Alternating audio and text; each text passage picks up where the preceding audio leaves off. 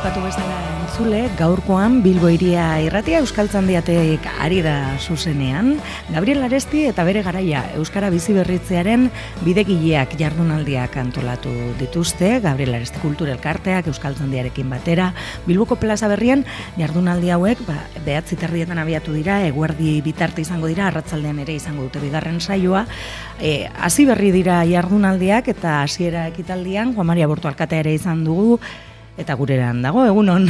Egunon, bai. Bueno, garrantzitsua bigarren urtez ere Gabriel Arestiren figuran eta bere lanaren inguruan bai jardunaldi hauek antolatzea, aurrek urtean harri eta herri liburua izan zan abia puntua. Aurten, agian Euskal Zandiaren ungarren urte urrena, e, Euskara Batueranen berroi garren, berro eta margarren urte urrena dela eta garaiari ez, e, erreparatuko dio e, jardunaldiak.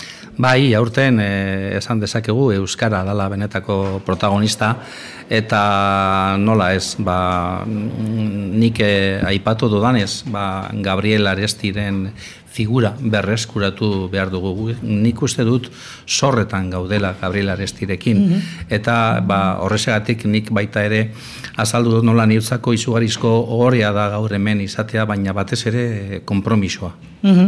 Eta garaia ez, belaunaldi batek bizi izan zuena, iru dogeitik, iruro eta marrera, hori da bai. gaur jasoko dena, ez? Zazoi hartan, bai. ba, nola euskara batuena den eh, ba, garrantzia mhm. azpimarratu zuten, bueno, Gabriela bai, bai. artean, Xabier Quintana ere bertan bai, dagoena, bai, ez? Bai. Eta, bueno, ba, sasoi hori, ez? Bai, sasoi hori oso, oso berezia zan, e, e, politiko ikuspuntutik, baita ere sozial ikuspuntutik, Gabriel Aresti poeta soziala da, eta niretzako aipatu dudanez baita ere hori da oso importantea, iturri mm, bat dala e, neutzako esan, esan dezaket, eta e, garai hartan e, egin zan lana baita ere nik dut aipatzekoa dala garai hartan sortu zen Euskara, Euskara batua, eta ba, normalizazio prozesu hori ba, importante importantea izan zen geure hizkuntzarako. Mhm. Eta bestetik Bilbon ere, ez? Gabriel Aresti, Bilbo Tarrazan, eta Bilbon ere gertakari asko izan ziren sasoi hartan, gaur egun ere badira noski, ez? Baina e, Bilboko begiradatik ere, ez?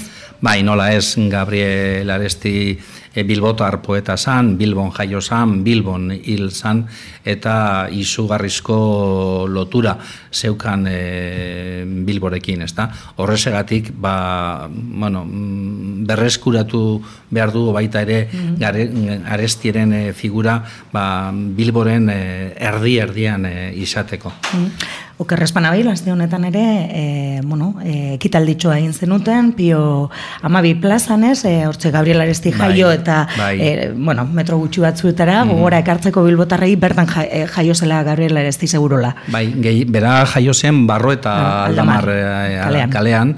eta geuke egin genuen omenaldia e, pio baroja enparantzan, e, beraren etxetik e, oso oso hurbil eta omenaldia meligaz ba, izan zen e, oso oso unkigarria. Mm Bueno, badakit eh, agenda iztua duzula, orain hemen, eta gero beste kontutan, e, bueno, hori da, ez, zure lana ere, ez? Bai, hori da.